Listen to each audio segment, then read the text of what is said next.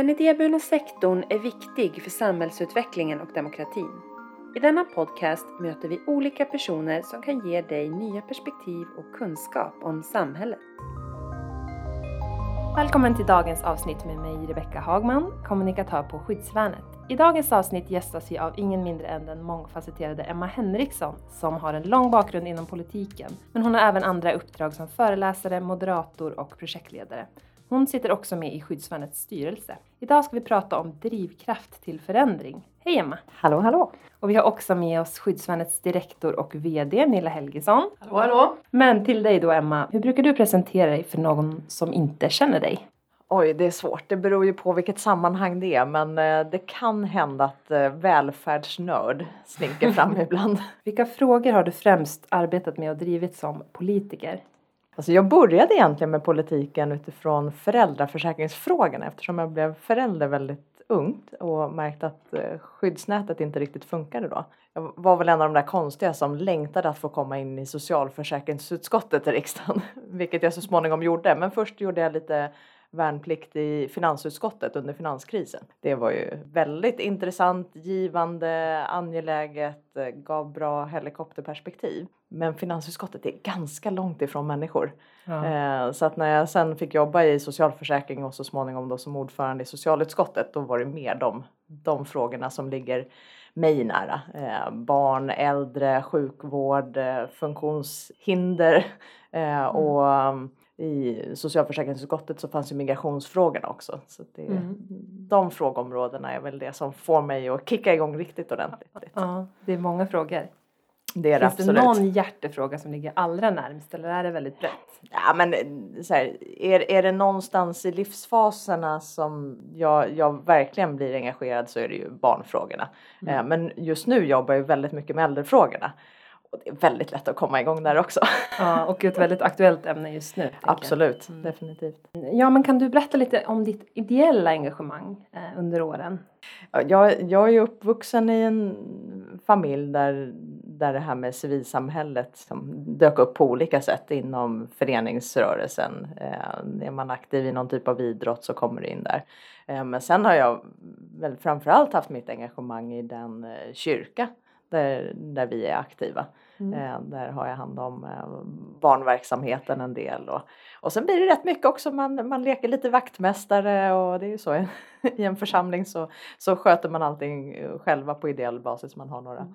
några pastorer som är anställda men annars sköts ju allting. Så man, det är koka kaffe, det är ganska mycket det man får göra i början när man är i, engagerad i politiken också. Det är blåsa ballonger, koka kaffe och så. Men vi eh. nämnde ju inte det i början men det är Kristdemokraterna som är ditt Precis, eh, jag engagerade mig eh, 99, då började jag med politiken insåg att här, här kan man inte förändra världen ensam, man behöver göra det inom ramen för något. Och då mm.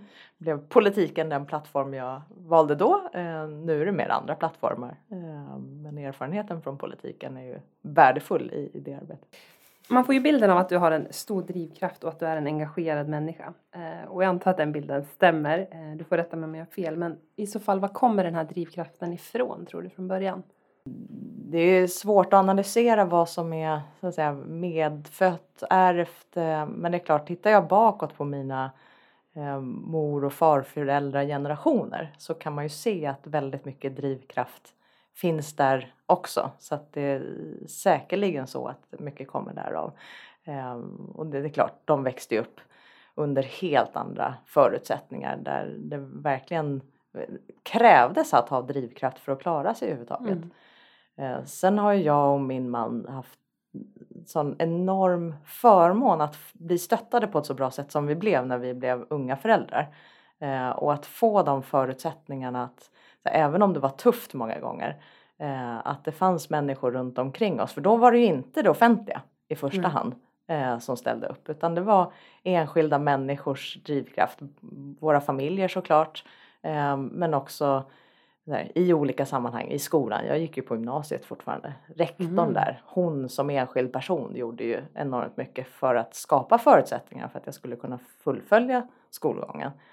Uh, och det där det, det, driver ju fram att man vill betala tillbaka. Så mm. det, eftersom jag har haft sådana förmåner så vill jag bidra till att andra ska kunna få bättre förutsättningar som kanske startar eh, ännu mer på minus. Eh, mm. då, då gäller det att man får de där, där handtagen när man, när man ska försöka dra sig upp. Får man det idag tror du som ung i kanske den situationen du var?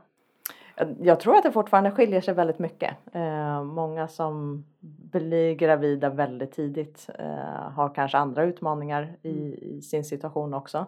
Eh, vi hade förmånen att ha föräldrar som kunde hjälpa oss så att vi fick en bra boendesituation. Mm. Andra möts istället av att de blir utkastade när de berättar att de väntar barn. Eh, så det är klart att där, där är det helt avgörande att det offentliga också ställer upp eh, och att det finns förutsättningar för att välkomna ett barn. Och det är samma sak eh, senare i livet. Du behöver inte vara jätteung för att det där med att vänta ett barn kan bli en, en liten eh, tröskel som kan bli besvärlig. Man önskar att alla som väntade barn eh, bara kunde glädjas åt och se fram emot det. Men många lever med en oro för hur ska man klara sig, hur ska man klara försörjningen om man inte har arbete, eh, om man inte har förutsättningar med, med ett drägligt boende och så. Eh, mm. och, och det har förbättrats en del vad gäller föräldraförsäkringen. Eh, grundnivåerna är, är betydligt drägligare idag än de var då. Men mm. det, det, är fortfarande utmanande. Eh, och, och, ibland möter man attityder, eh, det tror jag alla vittnar om, som på olika sätt har kommit lite liksom, på kant, eh, på kanten i samhället eh, möter ganska mycket fördomar när man möter offentliga. Att eh, ibland den här attityden, ja men om du bara tar dig i kragen.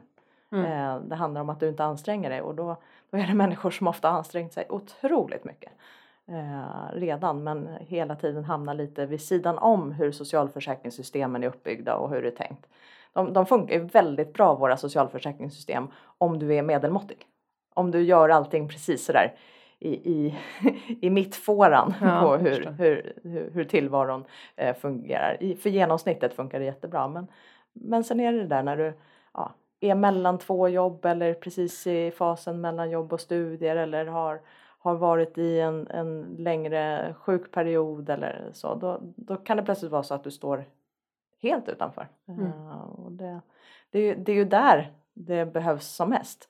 Eh, men det är där också civilsamhället många gånger kan komma och överbrygga mm. Eh, i de där glappen. Eh, Har du något konkret exempel på det? Alltså det finns ju så otroligt eh, många exempel. Eh, inte minst då när det handlar om sådär, möjligheten till att hitta ett jobb, möjligheten till att eh, hitta en bostadslösning där civilsamhället kan säga, ha de där lösningarna där där man kan vara mer flexibel i, i sina kriterier. Mm. Det, det, betyder inte att man är lättvindig eller så men, men, man kan ta hänsyn till hela människans situation på ett lite annat sätt. Det kan finnas lite mer spelrum. Mm. Uh, men, men inte bunden till ramarna på samma sätt? Nej, det förutsätter ju också att samarbetet mellan civilsamhället och det offentliga funkar på ett bra sätt. För ibland eh, märker man ju tendenser till att det offentliga ställer krav på civilsamhället att civilsamhället nästan ska bete sig som en myndighet. Och för att det är mycket återrapportering och det är inte orelevant. Alltså om det är så att man använder också offentliga medel, ja, det är ju skattebetalarnas pengar. Man ska vara noga med att de inte används på fel sätt. Um, men ska allting vara myndighetslikt, ja men då kan det ju vara myndighet lika mm. gärna. Eh, civilsamhället har egna premisser och därför är det viktigt också som en organisation inom civilsamhället att, att man inte bara är beroende av de så här, trånga eh, regelverken som det offentliga står för utan man har, har lite eget flexutrymme också så att man kan vara den här eh, liksom bryggan mm. eh, emellan. Mm. Vad skulle du säga är dina bästa tips kring att omvandla en inre drivkraft till en konkret förändring? I, ibland kan det vara så att man känner att oh, det är så mycket som är fel i världen och jag orkar inte riktigt. jag vet inte var jag ska börja. Eh, men när man väl börjar, alltså jag tror att många upplevde det under våren här under pandemin.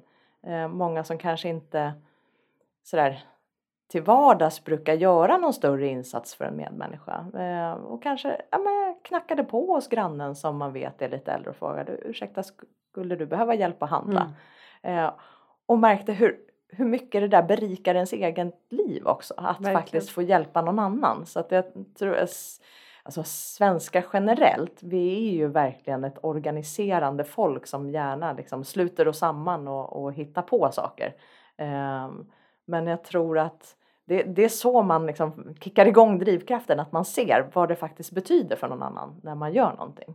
Uh, och när det verkligen gäller, då, då är det många som hittar den där inre mm. drivkraften. Mm. Uh, sen vore det ju skönt om vi inte behöver genomgå såna här kriser eh, så länge och så ofta. eh, utan att vi, vi liksom hittar det där i, i det vanliga, lite traggliga vardagslivet eh, också. För det är ju alltid så att vi människor är beroende av varandra. Eh, och behöver stötta varandra. Mm. Tror du att pandemin har liksom förändrats oss som folk eller har det liksom alltid funnits där som du säger att när det väl behövs så, så steppar vi upp? Eller kan det ha gett oss ett nytt eh, tänk kring det här med att hjälpa andra som vi kommer ta med oss in efter pandemin? Nej, men jag tror att det är, det är nog fler som bor i storstadsområden som kanske aldrig har pratat med sina grannar som nu faktiskt har pratat med sina grannar. Mm. Så att någon liten förändring och eh, jag åkte buss för första gången på jättelänge. Jag cyklar annars men mm. hade inte tillgång till cykeln idag. Och man märker ju att det är, liksom, det är väldigt mycket hänsynstagande. Man ställer sig med respekt avstånd från varandra på busshållplatsen, lämnar företräde ordentligt när man ska kliva av och på. Det, det är klart att det, det väcker omtanke hos varandra och det är inte bara här i Sverige. Alltså man ser ju det här Mm. Eh, när man följer nyhetsrapporteringen runt om i världen hur det har förändrat människor. Men jag tror att det finns någonting i grunden i hur vi där, lever vårt samhälle och de utmaningar som våra far och morföräldragenerationer har varit med om som har gjort lite den här, ja men vi kavlar upp armarna och tar ansvar.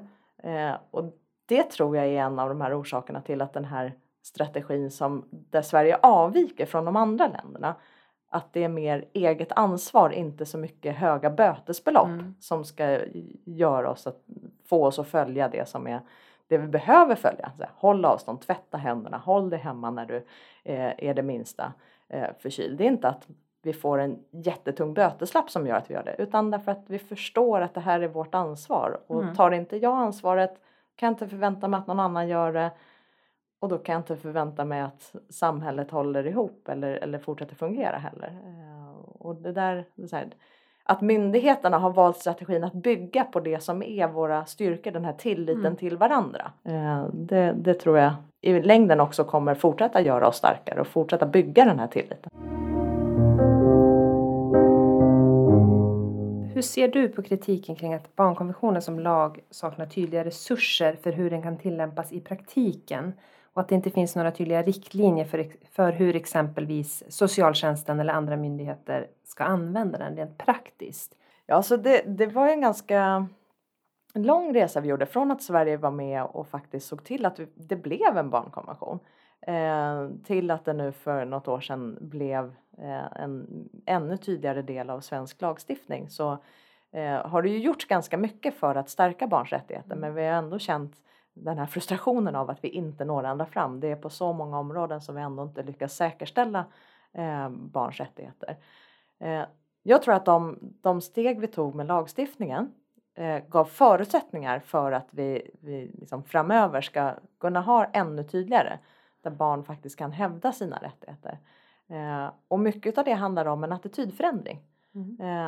Eh, som, där lagstiftningen var en del i att så här, tydliggöra att barn har egna rättigheter. Eh, föräldrabalken den landar ju rätt mycket i föräldrarnas rättigheter, föräldrarnas ansvar också. Eh, men mycket blir vuxenperspektivet. Mm. Eh, men barnkonventionen som lagstiftning tidigare, ja men det är barnet som har egna rättigheter och det där, det där kommer ju vara en process. Eh, för oavsett om du tittar på social sekreterare eller om du tittar på domare eller eh, poliser eller liksom alla typer av myndighetspersoner. De flesta av dem gick ju sin utbildning när barnkonventionen inte var lag. Mm. Eh, så de behöver ju ta till sig det här nya under sitt pågående arbete. De nya som utexamineras inom alla yrkeskategorier att de får ju med sig det här med barnkonventionen mm. på ett annat sätt i sin utbildning från början. Så att eh, det här är ett arbete, det måste fortsätta. Mm. Och det är klart att det finns många områden där vi fortfarande eh, behöver så här, ännu bli tydligare på att det, det är barnens rättigheter. Det är inte bara liksom lite fritt valt arbete att lyssna på barn i, i olika sammanhang utan barn har rätt att bli lyssnade på. Och ett område som jag följt är barn i, i separationer.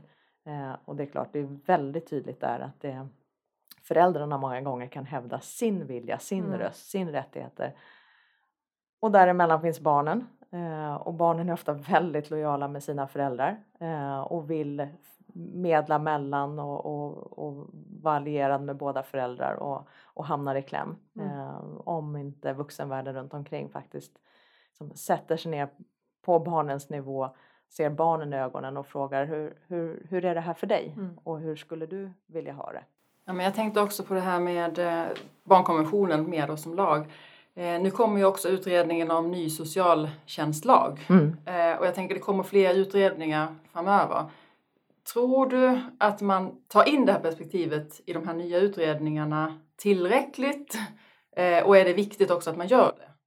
Ja, jag tror att, att barnkonventionen är lag gör ju att de måste ta in det. Mm. Sen om det är tillräckligt, det är en annan sak. Men, men det tas in på ett annat sätt än det gjorde innan.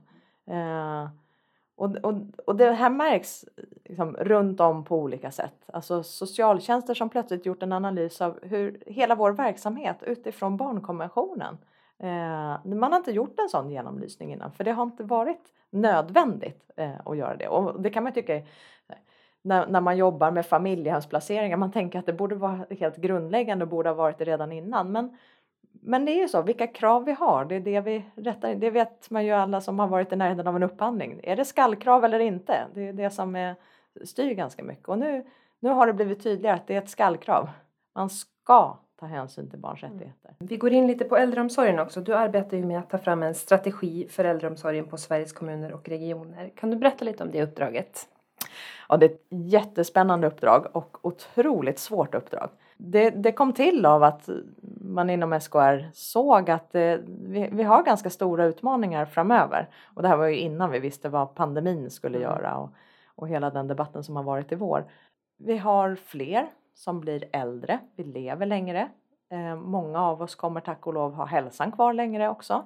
Men det ställer ändå större krav. Det är fler som kommer bli över 80 år och så småningom behöva insatser av hemtjänst, eh, plats på ett särskilt boende.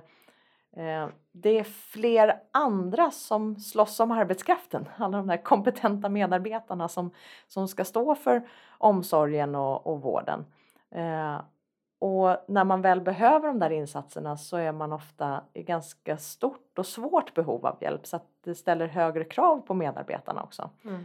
Eh, samtidigt som de ekonomiska resurserna inte är oändliga. Eh, så det, det, är det där som hela uppdraget innefattar och tanken är att ta fram här, konkreta förslag till kommunerna. Hur kan, man, hur kan man jobba lite annorlunda? Hur kan vi tänka långsiktigt för att klara av att få ihop den här eh, svåra ekvationen.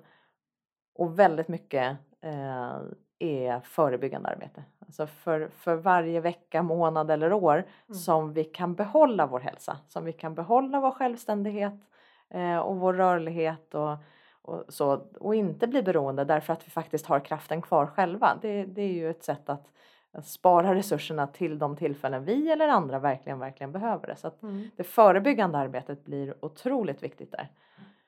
Och egentligen ska man ju börja det redan, redan under mödravården och ja. under förskolan och skolan för, för vi vet att det är där vi bygger mycket hälsa. Men, men det är aldrig för sent att göra de där insatserna. Det är aldrig för sent att, alltså, att, att börja liksom, ja, kanske inte klarar av att gå i trappor men jag kanske klarar några trappsteg. Mm. Jag kanske klarar av att gå lite på platt mark.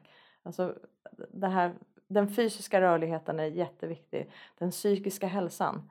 Eh, det offentliga och samarbetet med civilsamhället för att stävja ensamheten.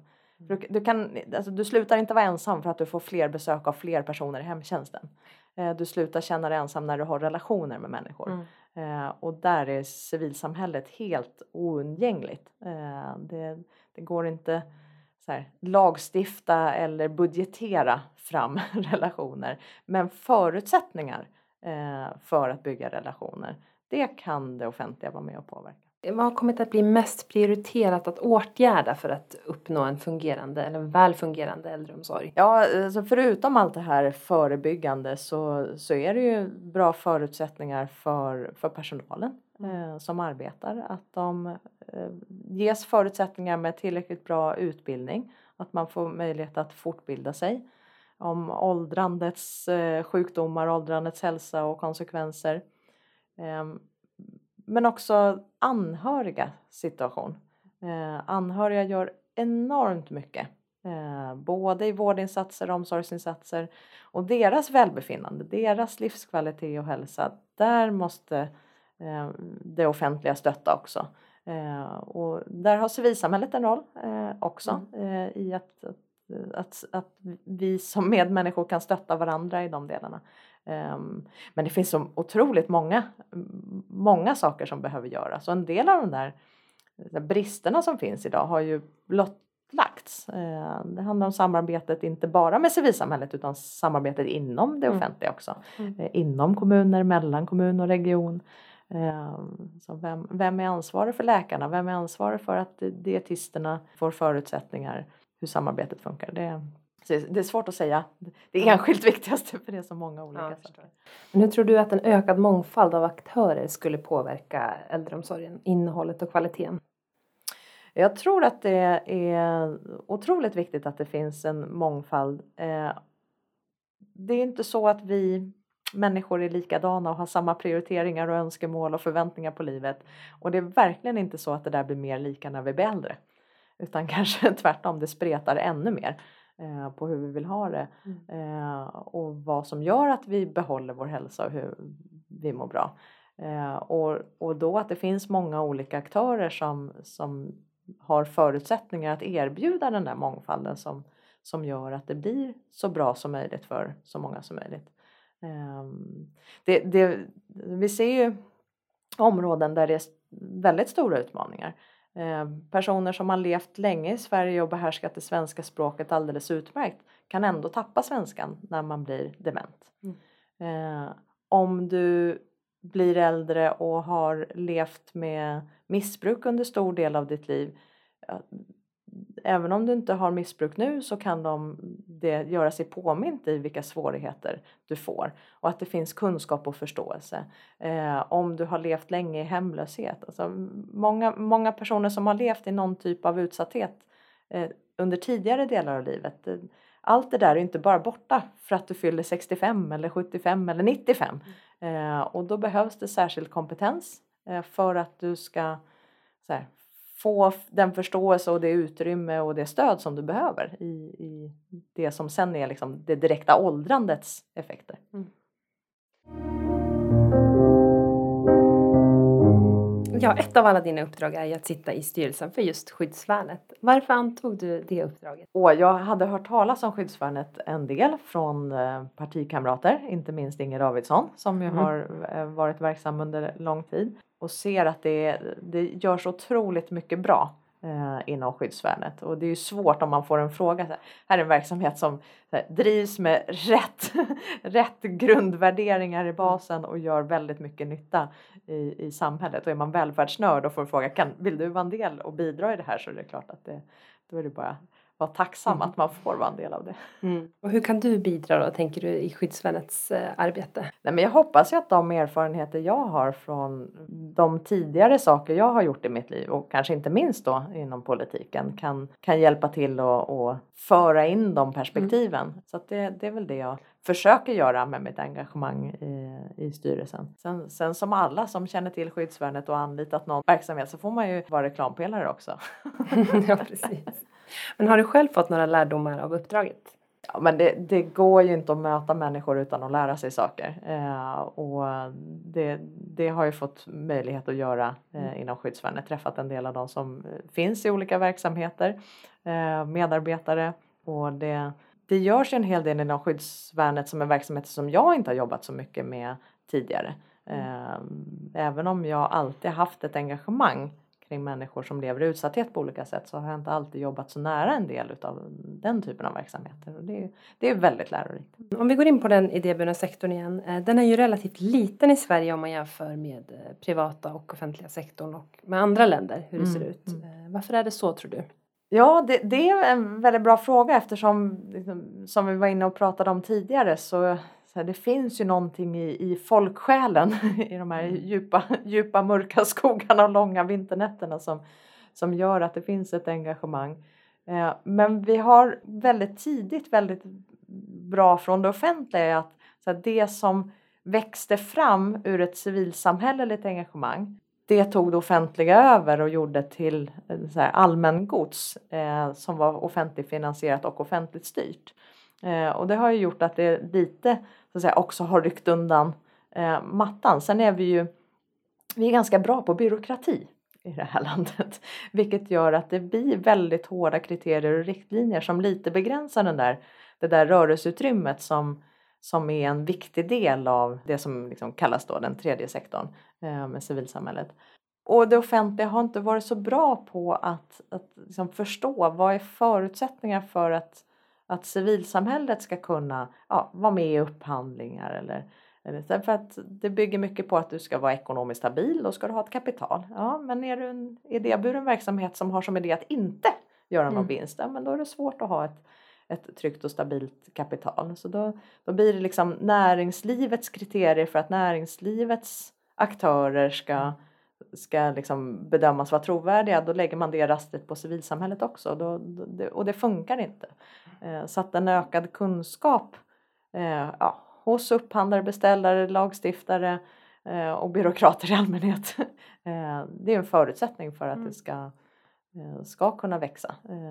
Tittar man i andra länder, Tyskland till exempel, där, där är det mycket som fortfarande ligger på civilsamhället eller Belgien. Jag menar, för oss i Sverige så är det så självklart att ambulansen är en del av sjukvården och drivs av en sjukvårdsaktör. Mm. Och där är det Röda Korset som, som har ambulansverksamheten.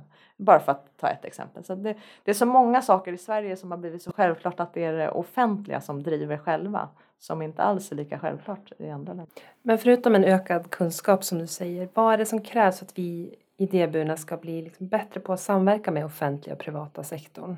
Jag tror att en nyckel är att civilsamhällets aktörer, eh, inte minst de idéburna aktörerna, eh, blir ännu bättre på att organisera oss tillsammans och prata med en röst så att vi, vi blir tongivande. Och det pågår ju ganska mycket mm. sånt arbete just nu vilket jag tror är är väldigt viktigt för att belysa, alltså vad blir förutsättningarna för civilsamhället? För några år sedan så märktes det till exempel när momsfrågan kom upp. Där man liksom jobbar med någonting på EU-nivå och sen ska det där trilla ner i lagstiftningen i Sverige och så upptäckte man att oj, det där slår ju faktiskt undan mattan eh, eller kan slå undan mattan på väldigt mycket utav de ekonomiska förutsättningarna för mycket idéburen verksamhet. Det var inte alls meningen, det var inte avsikten, men kunskapen om vad det skulle få för effekter var för låg och hade civilsamhället då varit mer eh, samlade och, och, organiserade och kunde prata med en röst så kanske man hade kunnat adressera det mycket tidigare och undvika en del av de bekymmer som fanns.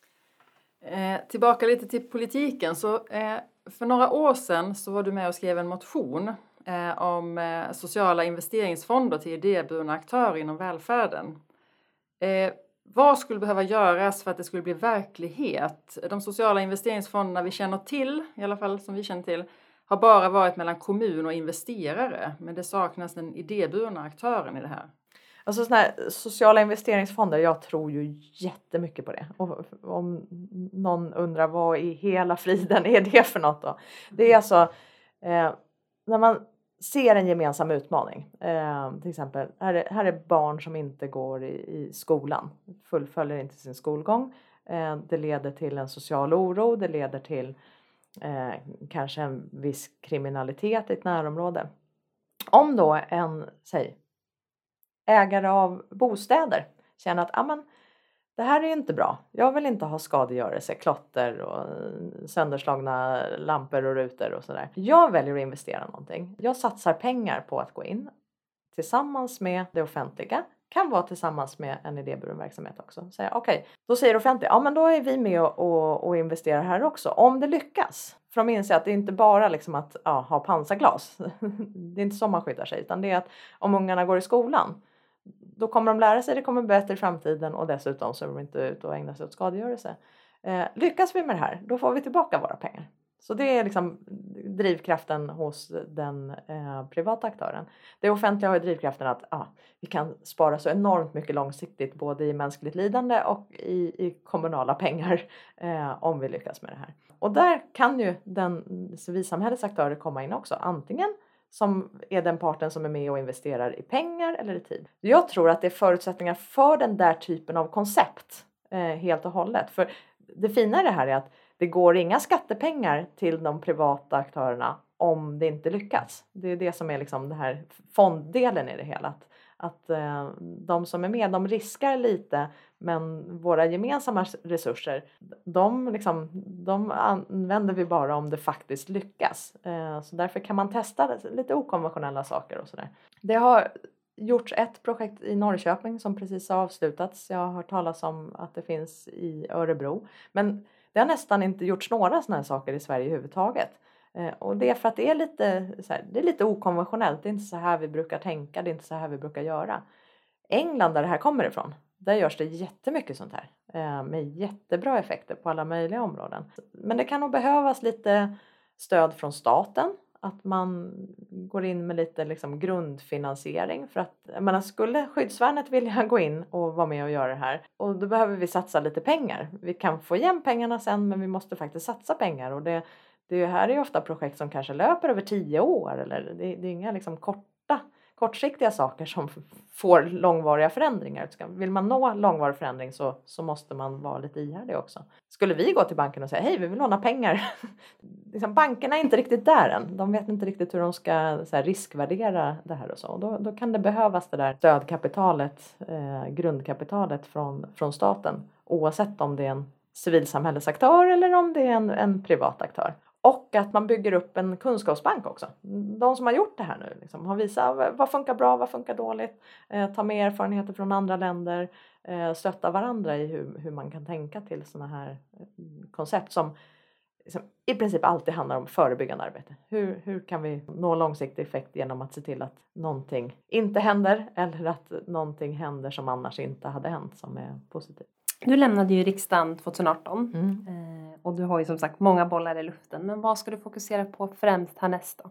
Alltså just nu är ju ett av de största uppdragen jag har eh, det här med en strategi för äldreomsorg mm. Eh, för SKR. Det kommer jag jobba med resten av det här året och nästa år. Eh, sen har jag en del uppdrag som handlar om eh, cancerområdet där vi mm. kommer lansera ett nytt samarbete i Sverige. Finns redan på europeisk nivå. Det kommer komma igång allt mer här under hösten och under nästa år. Sen eh, har jag ju döttrar som eh, är i den här spännande åldern. En gifter sig i sommar och en mm. gifter sig nästa sommar. så att det där med hur familjen utvecklas de kommande åren är ju spännande att se också. Mm. Så att det finns lite olika delar av livet att se fram emot. Vad kul. Men du, kan du dela med dig av någonting som många inte vet om dig? Det är en fråga vi ställer till alla gäster.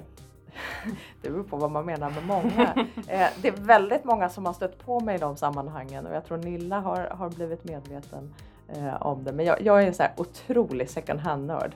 Alltså förutom välfärdsnörd. Jag, jag började handla i princip alla mina kläder second hand redan när jag gick på högstadiet. Mm. Var jag än har varit i världen så letar jag rätt på second hand butiker och älskar ju såna här saker som Blocket och Marketplace. Hela, hela, flyttade för sex och ett halvt år sedan och hela huset är ju inrett med bara grejer som är köpta begagnat. Ja, eh, Då har du varit på skyddsvärnet second hand? Absolut. Ja, ja. vi fick komma dit med styrelsen. Jag, mm. jag handlade ett bord det första jag gjorde. lite opraktiskt att cykla med hem ja. så jag fick, fick inhusera det på Nillas-kontoret. Men, eh, mm. ja, men jag har handlat många konstiga saker begagnat eh, och man kan ju sälja de saker som man, mm. man inte behöver längre.